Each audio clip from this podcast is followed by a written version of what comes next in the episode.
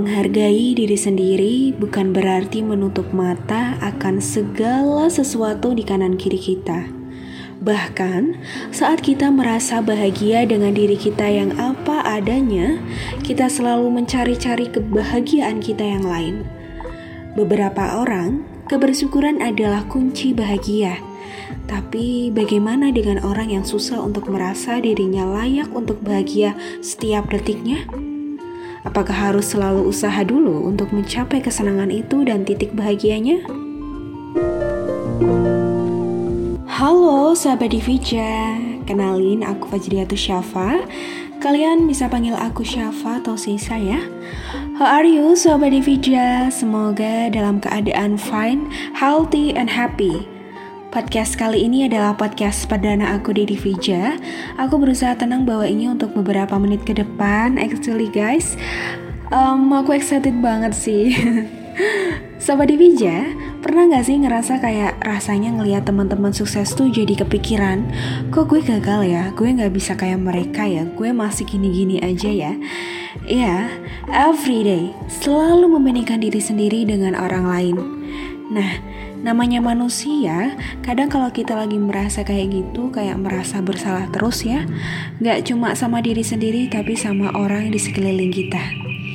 Memang kalau kita cerita ke orang lain jawabannya nggak pada jauh beda ya. Kayak everybody say segalanya sudah ada porsinya Udah ada rezeki masing-masing juga. So seperti dengan judul podcast kita kali ini Aku mau tanya nih. Anyway Sobat Divija Apakah sering mendengar istilah self-esteem? Ya, self-esteem itu Sobat Divija Jadi istilah yang aku pernah baca menurut Sword and Sandon tahun 1991 Ia mengatakan bahwa Self-esteem atau harga diri adalah penilaian individu terhadap hasil yang dicapai dengan menganalisa seberapa jauh perilaku memenuhi ideal dirinya. Iya, Sobat Divija, jadi di mana seseorang memiliki kebersyukuran seperti menghargai, mengapresiasi, dan menyukai diri sendiri, itulah yang disebut atau dimaknai sebagai self-esteem.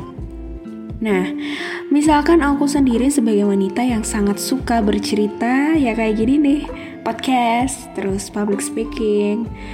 Nah, bukan berarti hibah ya Sobat Divija.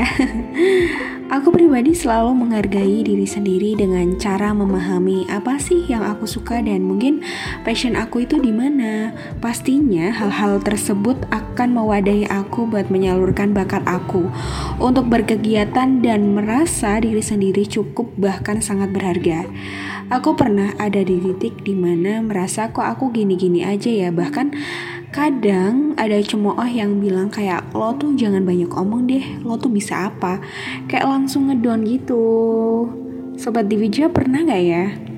Nah kayak seolah tuh kita memvalidasi banget ya gitu ya. Sampai pada akhirnya kita merasa nggak berharga sama sekali.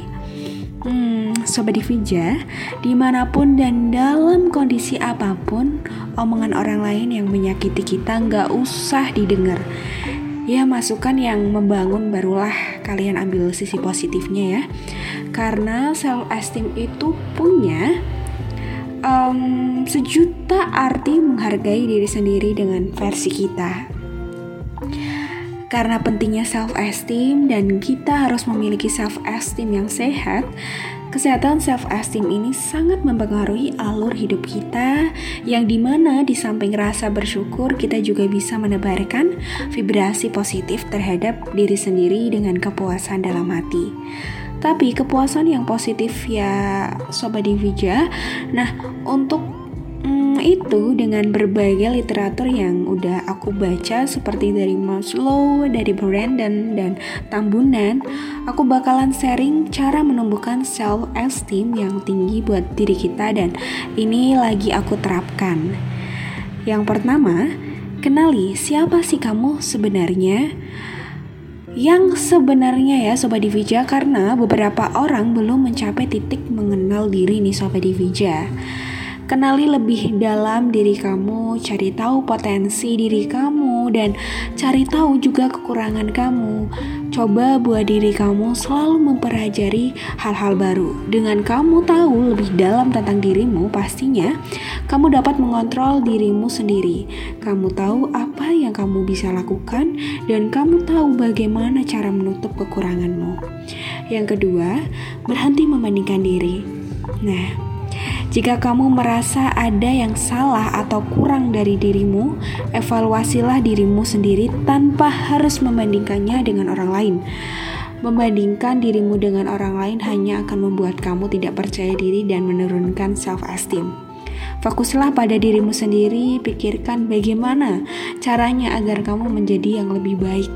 Boleh menjadikan orang lain sebagai acuan dan motivasi, namun jangan pernah membandingkan karena hanya bisa membuat kamu merasa lebih lemah. Yang ketiga, memiliki tujuan hidup. Setiap orang pastinya punya tujuan hidup yang berbeda. Memiliki tujuan hidup artinya memiliki rencana juga. Dengan adanya hal itu, kamu akan bersemangat untuk mencapai tujuan hidup serta rencana-rencana yang kamu rancang, serta bangun relasi positif agar mencapai apa yang kamu inginkan tanpa ada yang mengganggu pikiran kamu. Misalnya, kamu harus menghindari circle yang toksik atau hubungan yang toksik karena menurut uh, yang aku baca, salah satunya juga dari uh, Coppersmith tahun 1967, ada empat komponen yang menjadi sumber dalam pembentukan self-esteem individu. Keempat komponen itu ada sukses, value, aspiration, dan mendekatan dalam merespon penurunan penilaian terhadap diri sendiri. Maka dari itu, Bentuk sayang terhadap diri sendiri yang paling utama adalah menghargai, berproses, serta bersyukur. Sobat Divija, karena udah di akhir segmen, aku mau pamit undur diri. Semoga Sobat Divija selalu menerapkan hal positif gak hanya untuk orang lain, namun untuk diri sendiri juga utama ya.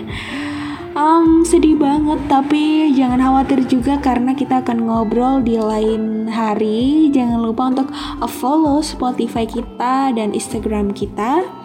Stay healthy and stay happy, Kiawa. Thanks a lot, sahabat Divija. Bye-bye.